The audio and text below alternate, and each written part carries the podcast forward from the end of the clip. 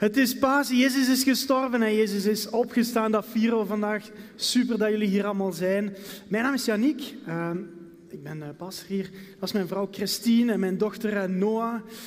Uh, super dat we jullie hier mogen verwelkomen. En ja, spreek ons aan straks. We willen je graag leren kennen. En onze dochter is nu zes maanden. Het is allemaal heel snel gegaan, vind ik. soms wou ik dat. We zijn nu zes maanden ver. Soms wou ik dat we, zoals een YouTube-video, dat op halve speed kunnen zetten, op halve snelheid, dat we de video trager kunnen bekijken. Dus het gaat allemaal heel snel. En ik, ik ben nog helemaal aan het processen van hoe is dat gegaan, die periode en, en, en die zwangerschap en, en die bevalling. En dat is ondertussen al zes maanden geleden, maar ik heb het gevoel dat ik dan nog altijd eh, door aan het gaan ben. En Christine al helemaal. En ik vond dat zo'n speciale periode. Ik vond dat zo'n bijzondere periode om daar door te gaan. Want er is zo een, spanning in die periode, herinner ik mij. En dat vond ik heel, heel boeiend. Aan de ene kant, er zijn twee vragen die eigenlijk die periode typeren. De ene vraag is, wanneer ben je uitgerekend? Hoe lang is het nog? Hoe lang moet je nog wachten? Waar, wanneer is het eindpunt? Wanneer gaat eindelijk het zover zijn? Uh, en aan de andere kant vragen mensen, hoeveel, hoeveel weken ben je al onderweg? Hoe ver sta je al? Waar sta je al in dat traject? Dus er is zo die tegenstrijd. Aan de ene kant heb je een punt om naar uit te kijken en je werkt ergens naartoe. Je wacht ergens op, je verwacht ergens iets. Maar dat is ook onwezenlijk. Je zit zo een baby in die buik en het is zo on, on, eh, niet reëel precies. En het wordt pas reëel als je dan naar, de, naar het ziekenhuis gaat en je krijgt een echo en dan ineens krijg je een beeld van, ah, er zit echt iemand in. Er zit echt een persoon in. En dan krijg je ineens een beeld van hoe dat een beetje gaat zijn op het einde van de rit, na negen maanden. Opeens krijg je een glimp van hoe het zo gaat zijn na negen maanden. Die toekomst wordt even, die breekt even door naar het heden, door zo'n echo. Of een van de dingen die Noah deed in de buik was dat ze met haar vingers zo langs de buikrand uh, deed van Christine. En Christine voelde dat. En het grappige was, toen ze dan geboren was, zagen we dat ze dat ook deed. Zo. Dus er was even zo'n glimp dat we opvingen in die tijd van hoe het erna ging zijn. Je werkt ergens naartoe, maar je bent wel onderweg. En er is die tussentijd dat, dat je wacht. Maar soms is het zo cool om, om die glimp op te vangen, om even in de toekomst te kunnen zien. Als de toekomst even doorbreekt in, uh, in het heden. En ik weet niet of je dat herkent, zo die, die tussentijd, zo dat wachten. Dat wachten in situaties dat je onderweg bent, ergens naartoe, dat je weet, dit is waar ik wil zijn, dit is misschien wat God voor mij in pet heeft, of dit is iets wat op mijn hart ligt, een goddelijke droom, maar dat je onderweg bent daar naartoe, dat je, aan het, dat je aan het wachten bent, misschien bid je al heel lang voor herstel in je gezin, in je familie. Misschien bid je al, al heel lang voor, voor genezing, misschien bid je al heel lang voor vervulling. Of misschien ben je nieuw in christelijk geloof, ben je voor de eerste keer en denk je van, wat, wat, wat is dat met God? Heeft, heeft God een toekomst? Is er een plan? Gaan we ergens naartoe? Of, uh, en, en zo ja, is God hier dan nu aanwezig in dat plan, in deze wereld? Er is zo die, die tegenstrijd, die spanning. We gaan ergens naartoe, we zijn onderweg, maar we zijn er nog niet en we wachten. En soms krijgen we glimpen van, van die toekomst die, die gaat komen. En de ik ben-uitspraak, waar we vandaag gaan over babbelen, heeft het daarover en gaat tot het hart daarvan, van die spanning.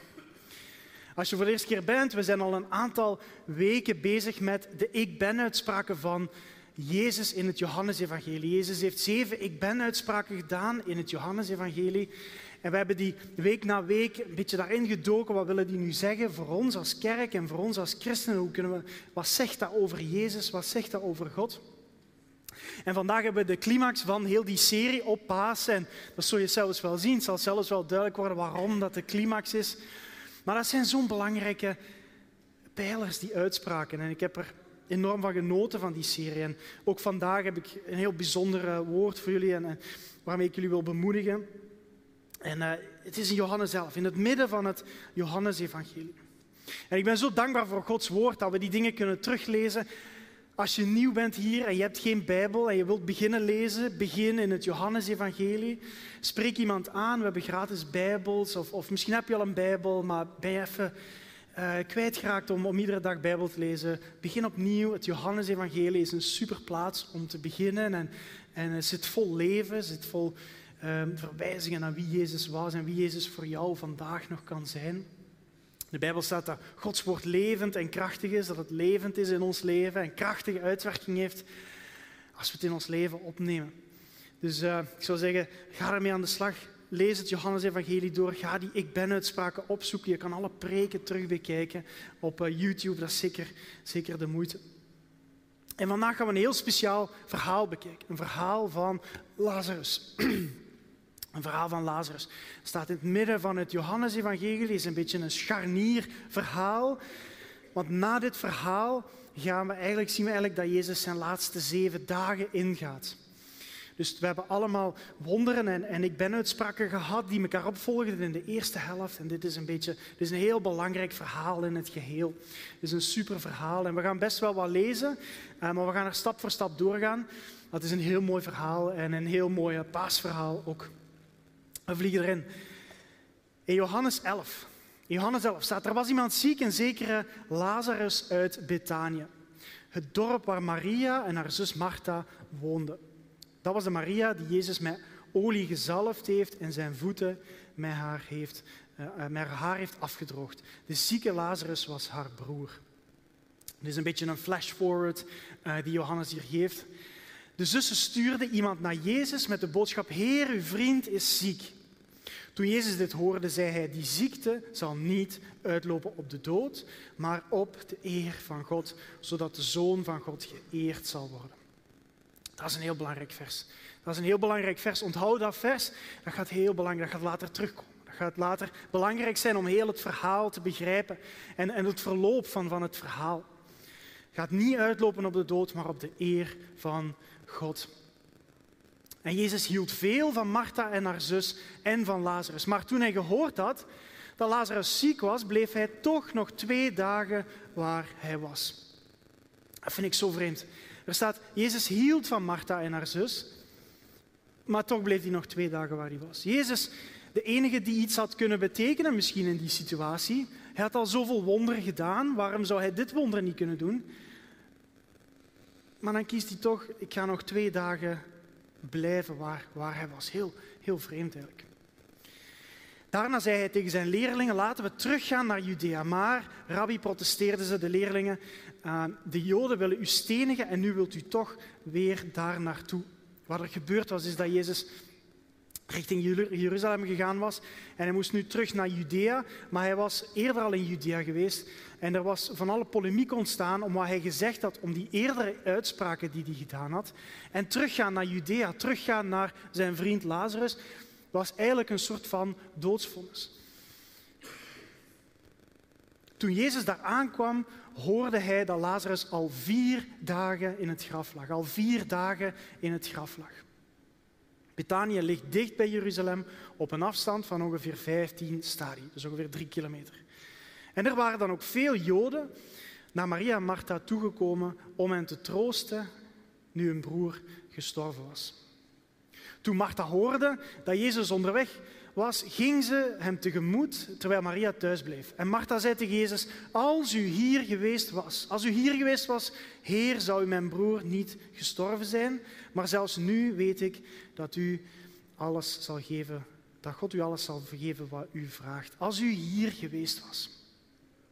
Maria en Martha worden hier geconfronteerd met een onmogelijke situatie, een hopeloze situatie. Een situatie die helemaal uit de hand was gelopen. En hij was al vier dagen dood. Zoals ik zei, zo vreemd. Dat ze horen, Jezus hoort, zijn vriend is gestorven. En in plaats van er direct naartoe te gaan, wacht hij twee dagen. En dan was hij nog een tijd onderweg en kwam hij eigenlijk vier dagen later aan. Pas vier dagen later. Ik vind dat zo vreemd. En Martha gaat de stad in en ontmoet Jezus aan, aan de rand van de stad of zo moet dat geweest zijn. En hij zegt, Jezus, wat is er gebeurd? Waarom zit je te laat? Als u maar hier geweest was, dan had u een wonder kunnen doen. Als, als je hier geweest was, als je op tijd geweest was, had de situatie misschien anders uitgedraaid. Waarom zijt je zo laat? Wat is er gebeurd? Wat is er gebeurd? En die onzekerheid is, herken ik toch in, in situaties. Soms bidden we. Soms geloven we. Soms wachten we op situaties die maar niet bewegen. Soms zitten we in een, een, realiteit die niet anders is dan dat we moeten wachten. Soms zeggen we ook tegen God, God, eh, was u, waar bent u? Was u maar hier? Wat, wat gebeurt er? Waarom moeten we wachten? Al vier dagen moet ik wachten. Herken je dat gevoel dat je bidt en dat je gebeden tegen, tegen het plafond terugkaatsen? Dat je bidt en dat er geen schot in de zaak komt? Dat je voor God gelooft, maar dat je Gods stem niet hoort. Dat er geen schot in de zaak komt. Maria en Martha zaten in die hopeloze situatie. Maar wat zien we? Dat Jezus om een of andere reden later is. Maar dat hij wel Maria en Martha ontmoet in hun situatie. En dat hij er ook geen probleem maakt dat Martha de stad uitgaat en, zegt, en hem tegemoet gaat en zegt, was u maar hier geweest, waar was u nu? Jezus ontmoet ons in het midden van onze storm, in het midden van onze problemen ontmoet Jezus. Komt Jezus ons tegemoet. En wat ik altijd tegen mensen zeg is, een goed gebed is een eerlijk gebed. God heeft er geen probleem mee als, we, als Martha zei, waar was u? Als, u? als u maar hier was geweest, dan was mijn broer niet gestorven. Als u maar hier was geweest, dan had ik die doorbraak gehad. Als u maar hier was geweest, God, waar is die herstel en relatie waar ik naar op zoek ben? Maar ik geloof dat een goed gebed een eerlijk gebed is. En Jezus ontmoet ons op de plaats waar we zijn, in het midden van onze realiteit. En dan lezen we verder in Johannes 11. Jezus zei, je broer zal uit de dood opstaan. Ja, zei Martha. Ik weet dat hij bij de opstanding op de laatste dag zal opstaan. Jezus zegt tegen Martha, uw broer zal opstaan. En Martha zegt, ja, ik weet het, ik weet het. We hebben dat geloof op het einde van de tijden dat er een opstanding zal zijn van de doden. Wat je moet weten is dat de Joden, net zoals wij als christenen, ook hetzelfde geloof houden.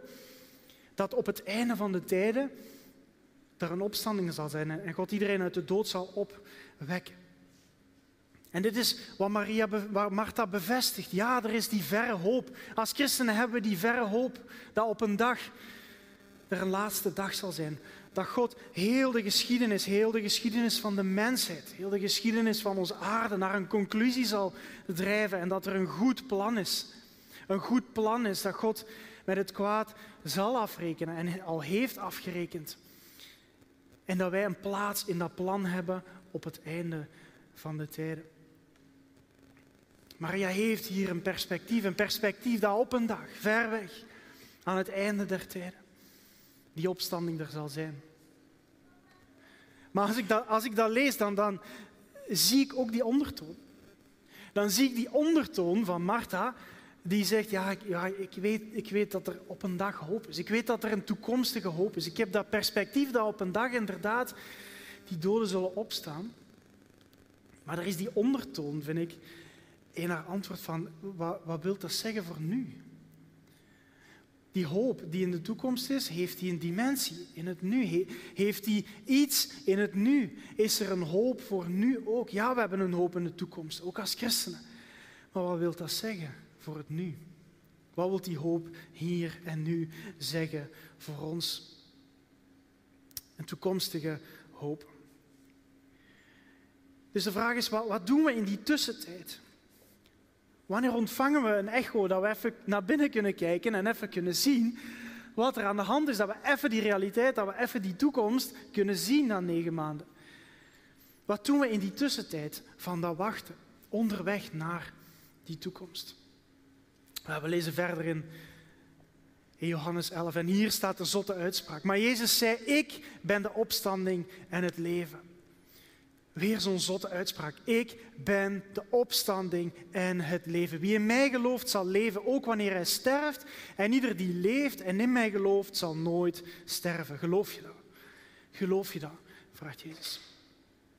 En ja, Heer, zegt ze. Martha zegt, ja, ik geloof dat u de Messias bent, de Zoon van God, die naar de wereld zou komen. Ik ben de opstanding en het leven. Jezus doet hier een heel zotte uitspraak. Een heel zotte uitspraak. En wie het verhaal kent, weet hoe het afloopt. Wie het verhaal kent, weet wat het vervolg is. Het zotte vervolg dat er moet aankomen. Maar wat interessant is, is als je kijkt dat de volgorde anders is in dit verhaal. Johannes beschrijft altijd koppels.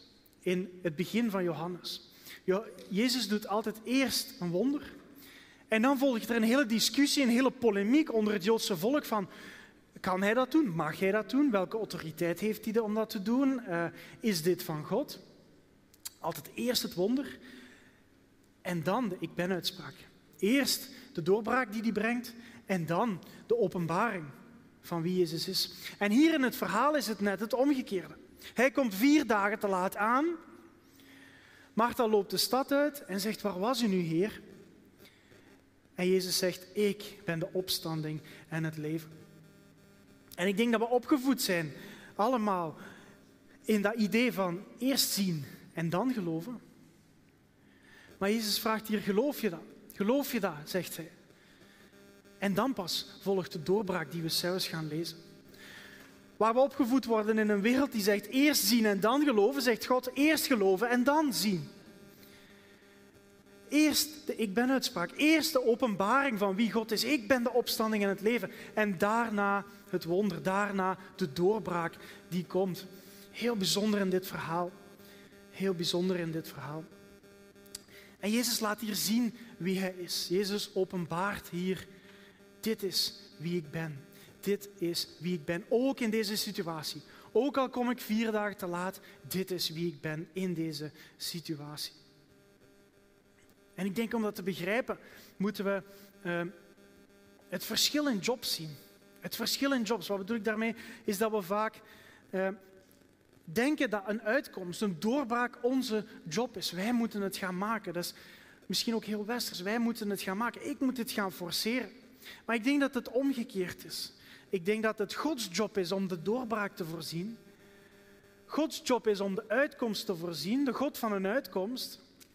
En het is onze job om op pad te gaan en on onderweg te gaan en te gaan ontdekken wie God is in het midden van onze situatie, in het midden van onze storm. Hij is de God van de uitkomst. Onze job is onderweg gaan en gaan ontdekken wie God is in het midden van de storm, in het midden van onze situatie.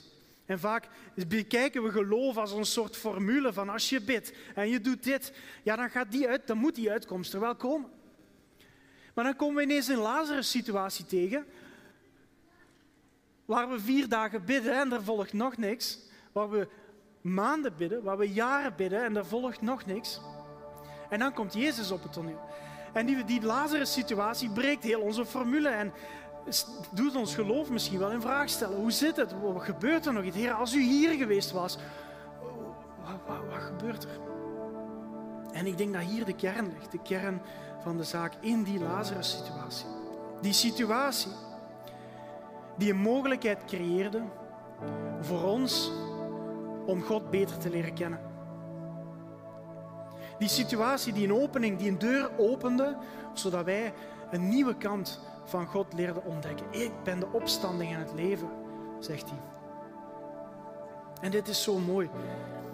Ja, die doorbraak komt er. We, kennen, we gaan zelfs het vervolg van het verhaal lezen. Maar onderweg van onze realiteit naar die doorbraak, onderweg naar die toekomst op een dag, onderweg, mogen we God leren kennen, mogen we God beter leren kennen, een nieuwe kant van Hem leren kennen. Maria en Martha ontdekten een nieuwe kant van Hem. Een nieuwe kant die ze niet ontdekt zouden hebben als Jezus op tijd was geweest. Soms laat Jezus ons wachten. Soms gaan we door dingen. Misschien ga je door moeilijke perioden. Misschien ga je door verdriet, door gebrokenheid. Maar laat die periode niet verloren gaan. Laat die periode niet voor niks zijn. Dit is een periode waarin je God misschien voor het eerst kan leren kennen. Of misschien God beter kan leren kennen. Een nieuwe kant kan leren kennen die je nog niet ontdekt hebt van God. Hij wil laten zien, ook in die situaties, wie Hij is. Wie Hij is. En dan lezen we verder. Het zotte wonder, het zotte paaswonder als je, als je wil. Toen haalden ze de steen weg en daarop keek hij omhoog. En hij zei, vader, Jezus zei, vader, ik dank u dat u mij verhoord hebt. U verhoort mij altijd, dat weet ik. Maar ik zeg dit ter wille van al deze mensen hier. Opdat ze zullen geloven dat u mij gezonden hebt. Daarna riep hij luid, Lazarus, kom naar buiten. De dode kwam tevoorschijn, zijn handen en voeten in linnen gewikkeld en zijn gezicht bedekt door een doek. Jezus zei tegen de omstanders, maak de doeken los en laat hem gaan. Lazarus, kom naar buiten. Hier is de doorbraak. De doorbraak waar ze op hoopten. De doorbraak die ze eigenlijk al bijna hadden laten gaan, want het was vier dagen te laat. Maar hier kwam die doorbraak. Jezus die zegt, ik ben de opstanding en het leven. Maar het daarbij niet laat, maar laat zien welke macht hij heeft. Hij is, hij, Jezus is niet gewoon opgestaan. Jezus deed niet opstaan. Jezus is de opstanding. Jezus geeft niet gewoon leven. Bij Jezus vinden we niet gewoon leven. Jezus is het leven. De opstanding en het leven. En dit is wat we mogen geloven. Ook met nu, met Pasen. Jezus verlegt heel de focus. Legt heel de focus van Lazarus op zichzelf. En het wordt een Jezus-verhaal. Een verhaal van opstanding. Een verhaal van leven. Een verhaal van een hopeloze situatie. Die wordt omgedraaid. Een verhaal van doorbraak. En een verhaal van onderweg naar die doorbraak een verhaal van openbaring. Dat mensen Hem, dat wij Hem beter kunnen leren kennen. God is een God die te kennen is, die zich laat kennen. Dit is een verhaal van Lazarus. Dit is het mooie, prachtige verhaal van Lazarus, het zotte verhaal. Het verhaal van een realiteit, een hopeloze situatie. Een toekomst die beloofd is. En die hoop die doorbreekt in het hier en het nu. En zelfs als we wachten op die doorbraak, dat er openbaring is. Hoop dubbelop, zou ik zeggen. Er is hoop voor de toekomst, er is hoop voor vandaag. En als kers op de taart, onderweg naar die doorbraak, leren we een nieuwe kant van God kennen. Als christenen winnen we altijd. En dat wil niet zeggen dat je een makkelijk leven gaat hebben als christenen. Dat wil niet zeggen dat er geen problemen gaan komen. Maar hier in het nu is er een doorbraak. Onderweg naar de doorbraak is er openbaring. En daarna ligt er een goede toekomst. Een goede toekomst voor ons klaar. En dit is het verhaal van Lazarus, maar dit is het verhaal van Pasen. Dit is ook het verhaal van Pasen en dit is het verhaal van Jezus, maar dit is ook het verhaal van ons allemaal. Het verhaal van jou en mij. Hoop dubbelop. Hoop dubbelop. En ik heb het al heel vaak gezegd, die ik ben uitspraak. Als Jezus hier weer die ik ben uitspraak doet, dan verwijst hij vooruit. Johannes wil ermee zeggen, kijk naar het einde van het evangelie van Johannes. En daar staat het verhaal van het kruis. Jezus die aan het kruis ging en na drie dagen weer opgestaan is. Al die ik ben uitspraken die Jezus doet verwijzen naar het einde van Johannes. Ehm, en, en het lijden en het opstaan van Jezus. En zo ook met dit verhaal. Het verhaal van Lazarus is een vooruitblik van het verhaal van Jezus. En dat is wat we vieren met Pasen. Jezus die omwille van ons, omwille van de puinhoop die wij ervan hebben gemaakt, aan het kruis is gegaan. En al het kwaad, alle miserie, al onze zonden die samenkomen op het kruis. En God die voor eens en voor altijd afrekent en ons herstelt ons recht in die relatie zet met Hem. En die hoop dat er is, dat we gered kunnen worden, die hoop dat er is, dat we nu deel kunnen hebben aan dat opstandingsleven, letterlijk en figuurlijk, zoals Lazarus. En die hoop dat er is dat op het einde er een nieuwe wereld gaat komen, waar alles volledig rechtgezet gaat worden. Ook al zien we dat nu nog niet, ook al krijgen we nu af en toe een echo binnen, een glimp van wat gaat komen op een dag. Het is het verhaal van Lazarus, het verhaal van Jezus, maar het verhaal van ons en van eh, iedereen. En, ehm, die uitnodiging staat er. Die uitnodiging staat er. Ik weet niet waar jij in je relatie met Jezus zit. Maar die uitnodiging staat er voor iedereen van ons. Om in dat leven te gaan stappen. In dat opstandingsleven te gaan staan. Dat is geen vaag idee. Dat is een realiteit waar je in kunt gaan leven. Jezus die krachtig werkt, ook hier en nu. Een hoop voor de toekomst, een hoop voor nu. En een openbaring stap voor stap onderweg. Hey, laten we allemaal gaan staan als we zelfs terug in aanbidding gaan gaan. En ik wil echt iedereen uitnodigen. Misschien is dit je eerste keer in de kerk, misschien kijk je online. Misschien voel je je aangesproken of ben je al een tijdje onderweg met God, maar je hebt het gevoel, ben God ergens kwijtgeraakt onderweg. Dan wil ik je uitnodigen. En kan dit een moment zijn waarin jij kiest om terug in dat opstandingsleven te gaan staan. Hoop voor de toekomst, hoop voor nu en openbaring onderweg. Dat is het mooie. Als christenen winnen we altijd. Is niet gemakkelijk, maar we winnen altijd. Er is altijd doorbraak. Er is altijd hoop. Hoop, hoop, hoop. Hoop dubbel op, hoop drie dubbel op. Dat is het mooie wat we vieren vandaag met Pasen. Dat is het mooie wat we uitleven als kerk. Dat is het mooie wat we uitleven iedere dag als uh, christenen. Ik wil voor iedereen uh, bidden en zegen uitbidden. En ik wil je uitnodigen als jij zoiets hebt van dit is mijn moment om terug te keren naar God. Zeg dat tegen God, tijdens de aanbidding zelfs. Als we terug in aanbidding gaan, neem dat moment van aanbidding met Hem. Vader God, ik ben zo blij voor iedereen die hier is. Dat we samen kerk mogen zijn. Dank je dat we die hoop kunnen vieren met Pasen. Die hoop die er is. Hoop voor de toekomst, maar hoop die doorbreekt in het nu en onderweg naar die doorbraak. Dat we u beter leren kennen. Vader, u bent een God die niet veraf is, maar een God die gekend wilt worden. Die zich laat kennen. En vader, u ziet iedereen, u ziet alle harten hier. Vader, ik bid voor mensen die die stap willen zetten vandaag. Die zoiets hebben van dit, dit is waar ik deel van wil zijn. Een opstandingsleven vol volheid, vol leven, vol vervulling.